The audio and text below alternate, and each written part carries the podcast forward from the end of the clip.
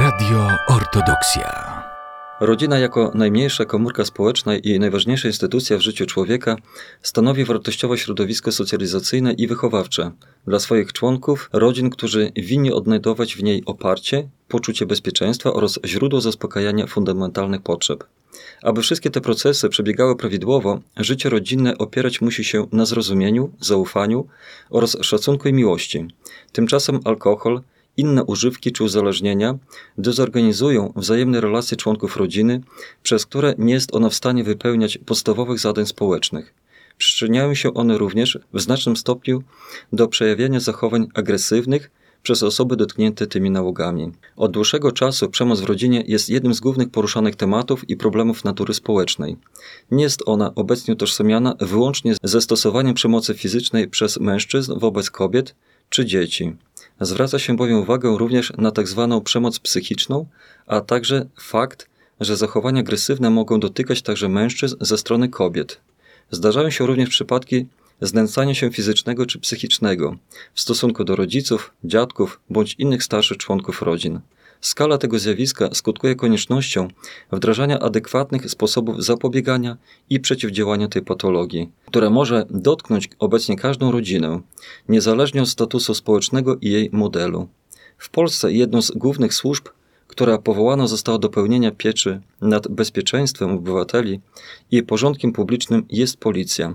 Jest dzisiaj z nami w naszym bielskim studiu nagrań komisarz Agnieszka Dąbrowska, oficer prasowy Komendy Powiatowej Policji w Bielsku Podlaskim. Witam serdecznie. Witam serdecznie, witam wszystkich słuchaczy. Policja, jak powiedzieliśmy wcześniej, jest tym organem prawnym, który czuwa nad bezpieczeństwem obywateli. Jakie policja stosuje sposoby czy też metody działania w celu zapobiegania przemocy w rodzinie? Naszym e, podstawowym zadaniem jest ochrona zdrowia i życia mm, ludzi, e, naszych mieszkańców. To jest też podstawowe zadanie w przypadku, kiedy pozyskujemy informację dotyczącą przemocy e, w jakiejś rodzinie. Mamy do tego odpowiednie kompetencje, odpowiednie metody, narzędzia, które pomagają nam w przeciwdziałaniu czy w zwalczaniu tej przemocy. Są to takie mm, narzędzia, jak na przykład wdrożona procedura przeciwdziałania przemocy w rodzinie, która się nazywa niebieska karta, y, czy możliwość y, wydania przez policjantów nakazu y, opuszczenia, czyli odizolowania sprawcy przemocy od ofiar. Także to są procedury, które tak pomagają nam y, w naszych działaniach y, od razu, natychmiastowo, y, ale procedura też, tak jak powiedziałam, to jest procedura, która działa tak długofalowo, ponieważ jej zadaniem jest właśnie podejmowanie takich działań, które mają na celu zwalczanie, zakończenie tej przemocy w rodzinie. E, wspomniała Pani przed chwilą o tej niebieskiej karcie. E, na pewno wielu radiosłuchaczy słyszało o tym, wie, ale nie wszyscy. E, proszę nam troszeczkę więcej opowiedzieć o tym. E, przede wszystkim e, chciałabym tutaj e, podkreślić, że mm, zgłosić fakt przemocy w rodzinie może każdy. To nie tylko tak, że osoba pokrzywdzona może zgłosić, chociaż najczęściej to pokrzywdzone osoby wzywają policjantów na interwencję, ale także sąsiedzi, rodzina. Jeśli widzimy, że coś złego się dzieje, mm, to powinniśmy to zgłosić, ponieważ osoby pokrzywdzone nie zawsze chcą y, ten fakt zgłaszać na policji z różnych przyczyn. Y, może to być obawa przed tym, że y, inni się dowiedzą, może to być obawa przed tym, że mąż zostanie na przykład zatrzymany i straci pracę, a wtedy straci też źródło utrzymania rodzina. Są to, jak powiedziałam, różne przyczyny, więc jeśli ktoś z boku widzi, że dzieje się w rodzinie źle, albo sąsiedzi słyszą, że w mieszkaniu są krzyki, płacze, może krzyki dzieci też, należałoby to policjantów e, o tym zawiadomić i policjanci wtedy oczywiście przyjeżdżają na interwencję, e, ustalają e, okoliczności tego zdarzenia i też podstawowym zadaniem policjantów jest wtedy zadbanie o bezpieczeństwo osób pokrzywdzonych tą przemocą domową. Wtedy jest wdrażana właśnie procedura niebieskiej karty, to są takie, są wypełniane odpowiednie druki. Mm, jeden druk wysyłany do przewodniczącego mm, zespołu interdyscyplinarnego, a y, karta B jest wręczana osobie pokrzywdzonej y, i tam są ważne informacje zawarte, y, także y, dla tej ofiary przemocy. Także y, zawsze mówimy, żeby ta osoba uważnie przeczytała, jakie ma prawa, jakie ma możliwości y, też, bo też oczywiście zachęcamy do tego, żeby Mm, osoby pokrzywdzone same szukały jeszcze y, jakby y, pomocy, może zgłosiły się na jakąś terapię, ale oczywiście y, my też prowadzimy pewne czynności, do których jakby mamy możliwości. I tak jak powiedziałam, procedura jest prowadzona przez zespół interdyscyplinarny, spotyka się taka grupa robocza i w tej grupie roboczej są osoby, które mają, oprócz policjantów oczywiście, które też mają możliwości w ramach swoich kompetencji przeciwdziałania tej przemocy e, domowej. I tak na przykład są przedstawiciele MOPS-u czy GOPS-u. Jeśli na przykład e, sprawca nadużywa alkoholu, to są przedstawiciele e, komisji alkoholowej. Jeśli tam są małe dzieci, e, które również doznają przemocy, to są przedstawiciele szkoły. I te osoby spotykają się i opracowują taki wspólny plan działania z tą rodziną, czyli jakie czynności byłoby najlepiej podjąć, żeby zakończyć tą przemoc w danej rodzinie. Oczywiście jest zapraszanie zapraszana osoba pokrzywdzona na rozmowy, przeprowadzane są z nią rozmowy, jest też sprawca zapraszany, przeprowadzana jest z nim rozmowa. Jeśli na przykład y, sprawca nadużywa alkoholu, jest mu proponowane podjęcie terapii alkoholowej, czyli żeby po prostu podjął y, działania, kroki do tego, żeby przestać pić, tak? Bo to, y, to jest główny powód tej przemocy domowej. To jest mm, y, około 90 może procent powodów interwencji policyjnych związanych z przemocą domową. Właśnie alkoholizm, nadużywanie alkoholu przez sprawców, którzy później przychodzą do domu i tą e, przemoc e, wobec członków rodziny stosują. Chciałbym jeszcze zapytać o taką rzecz. A dlaczego czasami osoby, które są dotknięte tym problemem, gdzie w domu są burdy, właśnie spowodowane, tak jak pani przed chwilą powiedziała, najczęściej nadużywaniem alkoholu, są awantury, jest ta żona nieraz może nawet i no, przemoc fizyczna stosowana nad nią, a mimo tego często nie zgłasza. Często nie dzwoni, czy, czy do państwa, do policji, czy do jakichś innych poradni, innych instytucji. Dlaczego tak? To tak jak już powiedziałam, czasami kobiety wstydzą się y, pokazać, że w ich małżeństwie jest źle, że y, szczególnie jeśli na przykład to jest przemoc fizyczna, to wstydzą się y, pokazać siniaki na swojej twarzy, na swoim ciele.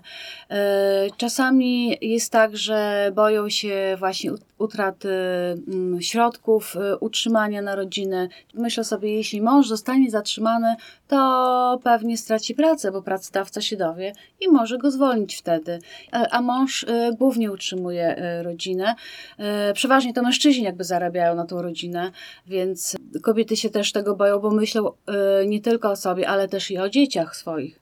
Ale często też jest tak, to wynika z tak zwanych faz przemocy domowej, że po takiej eskalacji przemocy mąż nagle staje się potulny, miły, przeprasza, obiecuje, że więcej to się nie powtórzy i kobieta wierzy po prostu temu mężowi. No, kobiety przeważnie chcą te małżeństwa swoje utrzymać i one wierzą w te zapewnienia męża, że już wszystko będzie dobrze, że na pewno on już nie będzie pił i nie będzie stosował tej przemocy. Niestety ta przemoc nawet wcześniej niż później znowu się pojawia. Powiedzieliśmy też na samym początku, że ta przemoc działa w dwie strony, że nie tylko prawda, mężczyzna, najczęściej, no najczęściej mężczyzna, głowa rodziny, E, wykorzystuje te, te słabsze, powiedzmy, e, fizycznie, czyli żona, dzieci, ale też bywają odwrotne sytuacje. Takie przypadki też się zdarzają i mają miejsce u nas w naszym powiecie. E, tak, też u nas mamy przypadki, gdzie sprawcą przemocy jest na przykład nieletni, czyli dziecko, to nie, nie mówię o, o dziecku, które ma kilka lat, tylko to są 16-17-letni synowie na przykład stosują przemoc wobec swoich rodziców albo swoich matek, ale to są takie rzadkie przypadki. Zdarzają się też, ale bardzo rzadko, to chyba najrzadziej przypadki, gdzie przemoc stosują kobiety. I to przeważnie jest wtedy taka przemoc psychiczna, bo należy powiedzieć, że przemoc to nie jest tylko bicie, przemoc to nie tylko używanie przemocy fizycznej, ale też jest przemoc psychiczna, która też bardzo często występuje, czyli wyzywanie, wyśmiewanie się z członka rodziny, czy straszenie, może być też przemoc ekonomiczna, czyli takie uzależnienie ofiary od sytuacji finansowej te, sprawcy. Wydzielanie pieniędzy, sprawdzanie na przykład na co żona te y, pieniążki wydała, rozliczanie ją za każdy grosz, y, ale też bardzo ważne, żeby wspomnieć o tym, że przemoc to także y, zaniechanie i zaniedbanie. Czyli na przykład, y, kiedy mamy pod opieką osobę starszą, niedołężną, leżącą i nie opiekujemy się tą y, osobą, to też jest y, forma przemocy.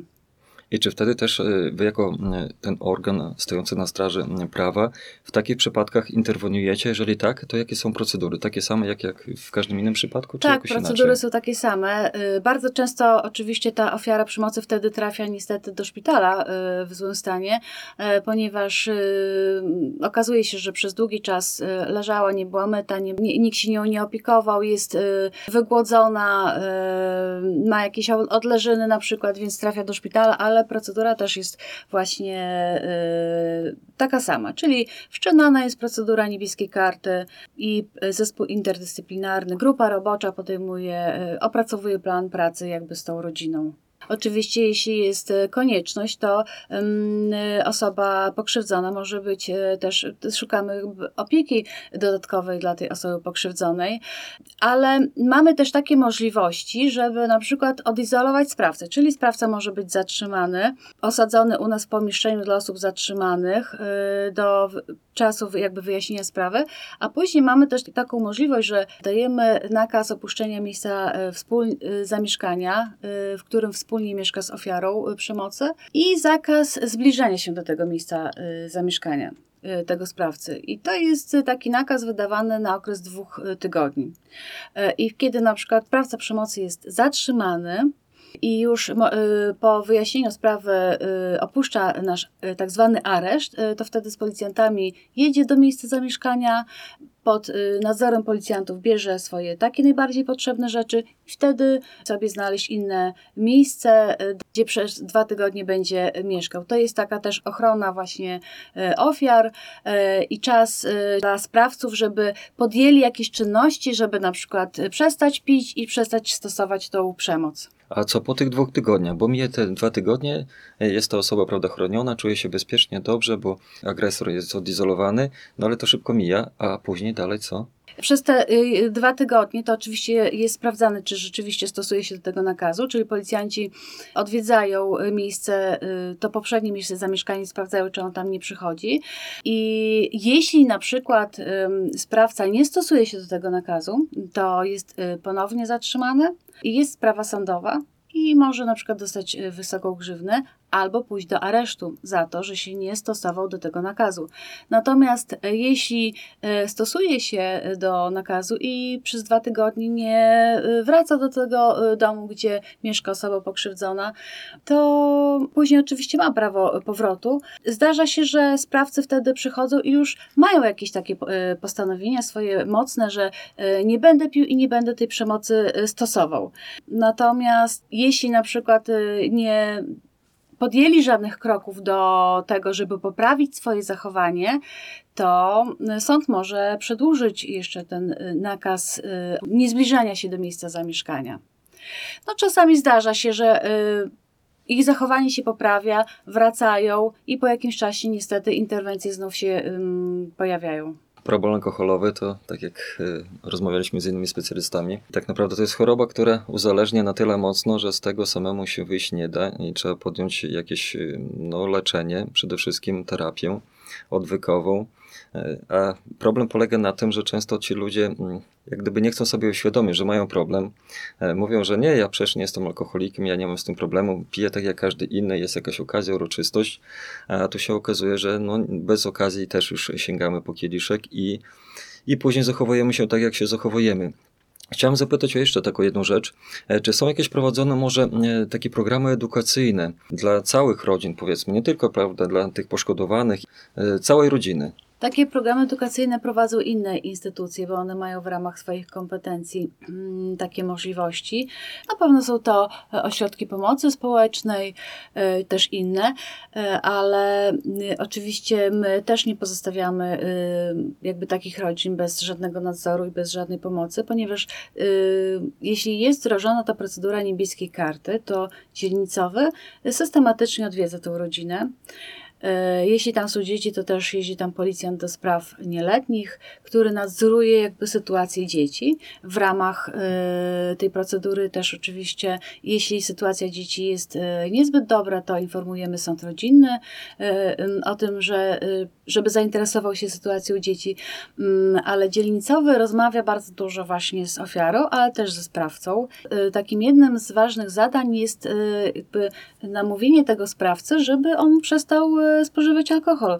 Więc namawian, e, dzielnicowy namawia, zachęca go do tego, żeby podjął terapię przeciwalkoholową e, i jeśli mm, no niektórzy sprawcy y, chodzą na takie terapie i to przynosi pozytywne skutki, ale jeśli sprawca nie chce zgłosić się na taką terapię, to wtedy mm, też y, kierujemy sprawę do sądu y, i sąd może mm, takiego sprawcę, taką osobę uzależnioną umieścić na leczeniu zamkniętym i wtedy po prostu już e, ten sprawca jest dowożony przymusowo przez e, policję. E, I po takim leczeniu zamkniętym też jest szansa, że już nie wróci do nałogu. No właśnie, chciałem zapytać, żeby oddać się takiej terapii odwykowej, to musi wyrazić zgodę ta osoba, że tak podejmuje się, czy, czy można pomijając te wszystkie procedury związane z jej decyzją, nakazem powiedzmy sądowym, policyjnym, przymusić? Jak to wygląda? Terapie te dzienne to są dobrowolne. To sprawca musi sam chcieć e, chodzić e, na te spotkania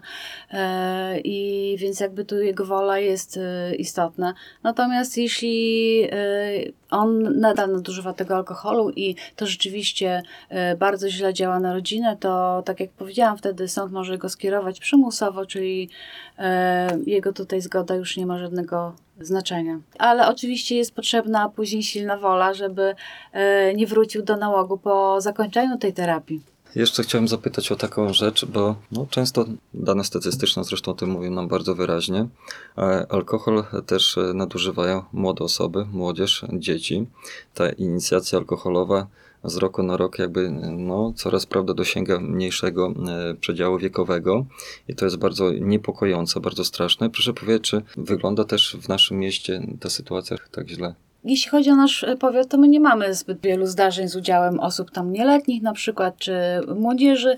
Natomiast e, jeśli chodzi o alkohol, to głównie e, mamy zdarzenia e, z alkoholem w tle, jeśli chodzi właśnie o sprawców przemocy domowej i nietrzeźwych e, kierujących. Bo w tym e, roku to ujawniliśmy na terenie naszego powiatu ponad 60 nietrzeźwych kierujących i to e, byli kierowcy w różnym wieku. Byli młodzi, młodzi, ale byli też i starsi. Także tutaj nie ma e, jakiegoś takiego e, rozróżnienia, że na przykład młodzi to częściej piją i siadają za kierownicę. E, też osoby w wieku 50 paru lat, 60 paru lat też ten błąd bardzo często popełniają. Chciałem jeszcze dopytać o taką rzecz, mianowicie w tych domach, w tych rodzinach, gdzie są mm, tego rodzaju trudności i problemy. Co z dziećmi, co z, prawda, z członkami tymi najmłodszymi rodziny? Jak im pomóc i jak, w jaki sposób reagować, e, żeby no, jak najmniej zostały one poszkodowane? No niestety, y, jeśli mamy do czynienia z przemocą domową, to bardzo często, y, a y, właściwie to w zdecydowanej większości przypadków, właśnie w takich rodzinach są też dzieci. Są to dzieci w bardzo różnym wieku, od takich niemowląt, maluszków, po dzieci takie nastoletnie. I może rzadziej one są dotknięte bezpośrednio jakby przemocą, ofiarami bezpośredniej przemocy, czyli na przykład nie są, że tak powiem, bite, natomiast zawsze, ale to zawsze te dzieci przeżywają tą sytuację, bo są świadkami tego, y, że rodzice się kłócą, na przykład, albo że tato y, przychodzi do domu pijany. Czasami się zdarza, że ten tato przychodzi w takim stanie, że kładzi się po prostu pijany gdzieś na podłodze i nie jest w stanie nawet doczołgać się do łóżka, i dzieci na to wszystko patrzą. Oczywiście to wszystko przeżywają. Czasami jest tak, że sprawca kiedy zaczyna na przykład y, ofiarę wyzywać, czy na przykład swoją żonę, y, to dzieci stają w obronie matki, szczególnie te starsze, y, to wtedy sprawca też swoją agresję na nich wyładowuje. No, to są bardzo trudne przypadki zawsze i oczywiście my nie zajmujemy się tylko wtedy tą kobietą, która doświadczy tej przemocy, ale też i dziećmi. Tak jak już wcześniej wspomniałam, zawsze w takich przypadkach z dzielnicowym do rodziny jedzie policjant, który zajmuje się sprawami osób nieletnich i sprawdza, czy podstawowe potrzeby tego dziecka są zaspokojone, czy to dziecko ma warunki do tego, żeby y, chodzić, y, żeby odrabiać lekcje, żeby chodzić do szkoły, nie chodzi głodne, czy y, ma takie potrzeby zaspokojone jak ubranie, posiłki codzienne. I jeśli stwierdzimy, że coś jest nie tak, że jakieś y, potrzeby nie są zaspokojone, to kierujemy zawsze wtedy sprawę do sądu rodzinnego i sąd rodzinny mm, wysyła kuratora y, do tej rodziny, kurator sporządza wywiad i sędzia rodziny wtedy sprawdza, czy jest potrzeba, żeby sąd rodzinny nadzorował tą y, sytuację w tej rodzinie, czy nie. Też kontaktujemy się ze szkołami, Współpracujemy z pedagogami szkolnymi, pytujemy, jak tam e, sytuacja tego dziecka e, w szkole, e, czy to dziecko nie ma żadnych śladów przemocy domowej na sobie, czy nie ma żadnych siniaków na rękach, na twarzy na przykład, czy nie jest głodne na przykład, więc ze szkołami też współpracujemy. Proszę powiedzieć, bo mm, no, czasami są takie sytuacje też, że wydaje się, że jest bardzo porządna rodzina e, w takim wysokim statusie e, materialnym, społecznym, a jest tam nie tak, jak powinno być do końca. Ładnie to się wszystko tak jakoś ukrywa przed innymi przede wszystkim, a dzieci, dzieci, rodzina cierpi, no bo jest właśnie ten problem.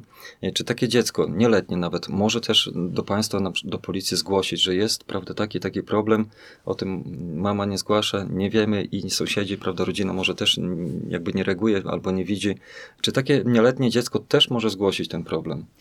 E, oczywiście, jak najbardziej. E, kiedy mm, otrzymamy zgłoszenie dziecka, to każde zgłoszenie, każde zgłoszenie, które do nas pływają, traktujemy bardzo poważnie. Każde sprawdzamy i na każde reagujemy. To nie ma znaczenia, czy to że jest osoba dorosła, czy nie. E, osoba nieletnia też może do nas zgłosić, że coś się dzieje niedobrego. I oczywiście wtedy też taką sytuację będziemy sprawdzać i traktować bardzo poważnie. Problemem y, tutaj mogą być jakby zeznania przykład, osoby dorosłej, tak, która doznaje przemocy, bo nie chce o tym mówić, nie chce y, ujawniać tego, co się dzieje u nich y, w domu. Natomiast wtedy dziecko też jest przesłuchane i zeznania tego dziecka też są dla nas bardzo istotne. I tak jak ja już wcześniej wspomniałam, bardzo trudno jest, e, trudniej niż przemoc fizyczną jest udowodnić prze, przemoc psychiczną, a w takich rodzinach właśnie przeważnie występuje ta przemoc e, psychiczna, więc ważne, istotne są dla nas e, wszystkie dowody i zeznania czy to dzieci, czy to osób y, z, mm, z dalszej rodziny, które może coś tam zauważyły, że coś niedobrego się dzieje w rodzinie, więc tak jak powiedziałam, wszystko traktujemy bardzo poważnie i zbieramy wszystkie dowody, żeby y, sprawca przemocy mógł za, odpowiedzieć za to, co robi. Jeżeli można jeszcze dopytać, y, częściej pojawiają się właśnie przypadki tej przemocy fizycznej czy psychicznej, jak to wygląda w danych statystycznych? Jeśli chodzi o y, przemoc, to bardzo często i chyba to jest większość przypadków, że występuje przemoc psychiczna. Y, to są przeważnie y, awantury w domu, które, y, które mają miejsce w domu, bardzo głośne, y, czasami y, słyszalne przez sąsiadów i przez sąsiadów właśnie zgłaszane. Polega na tym, że sprawca przemocy wyzywa tą ofiarę, krzyczy na nią, y, szydzi z niej, y, grozi jej na przykład, a przy okazji też pojawia się przemoc fizyczna, typu, że gdzieś na przykład popchnie ją, złapie za ręce i jakieś siniaki są, ale przeważnie to przemoc psychiczna. Komisarz, ja bardzo mm, dziękuję z głębi serca za to, że przyjęliście nasze zaproszenie do studia, za ten poświęcony czas, e, za te wszystkie pouczenia, e, których nam udzieliliście do mikrofonu. E, Cieszę się bardzo, że doszło do tego spotkania. Mam nadzieję, że to nie będzie nasze pierwsze i ostatnie. Mam nadzieję, że jeszcze poruszymy wiele innych ważnych kwestii, problemów związanych z naszym takim normalnym, bezpiecznym, właściwym funkcjonowaniem, życiu codziennym. Wiemy, jak dużo jest tych problemów społecznych, które dotykają i to w różnym przedziale wiekowym różne e, warstwy społeczne. Życzę z głębi serca, żeby dobry, miłujący Pan Bóg dopomagał w Waszej bardzo trudnej, odpowiedzialnej pracy, żeby tych takich trudnych przypadków było najlepiej jak najmniej albo w ogóle, e, żebyście mieli mniej takiej właśnie pracy niepotrzebnej, a społeczeństwo, żeby obywatele starali się żyć w trzeźwości, e, żyć, starać się dobrze, a zwłaszcza w tej najbliższej komórce rodzinnej, żeby było dużo dobra, miłości, zrozumienia, serdeczności, e, a żebyśmy siebie nawzajem wspierali, pomagali, a nie sobą walczyli i stawali się wrogami, bo nie o to przecież w tym wszystkim chodzi. Także dziękuję raz jeszcze, wszystkiego Wam dobrego. Dziękuję również. Radio Ortodoksja.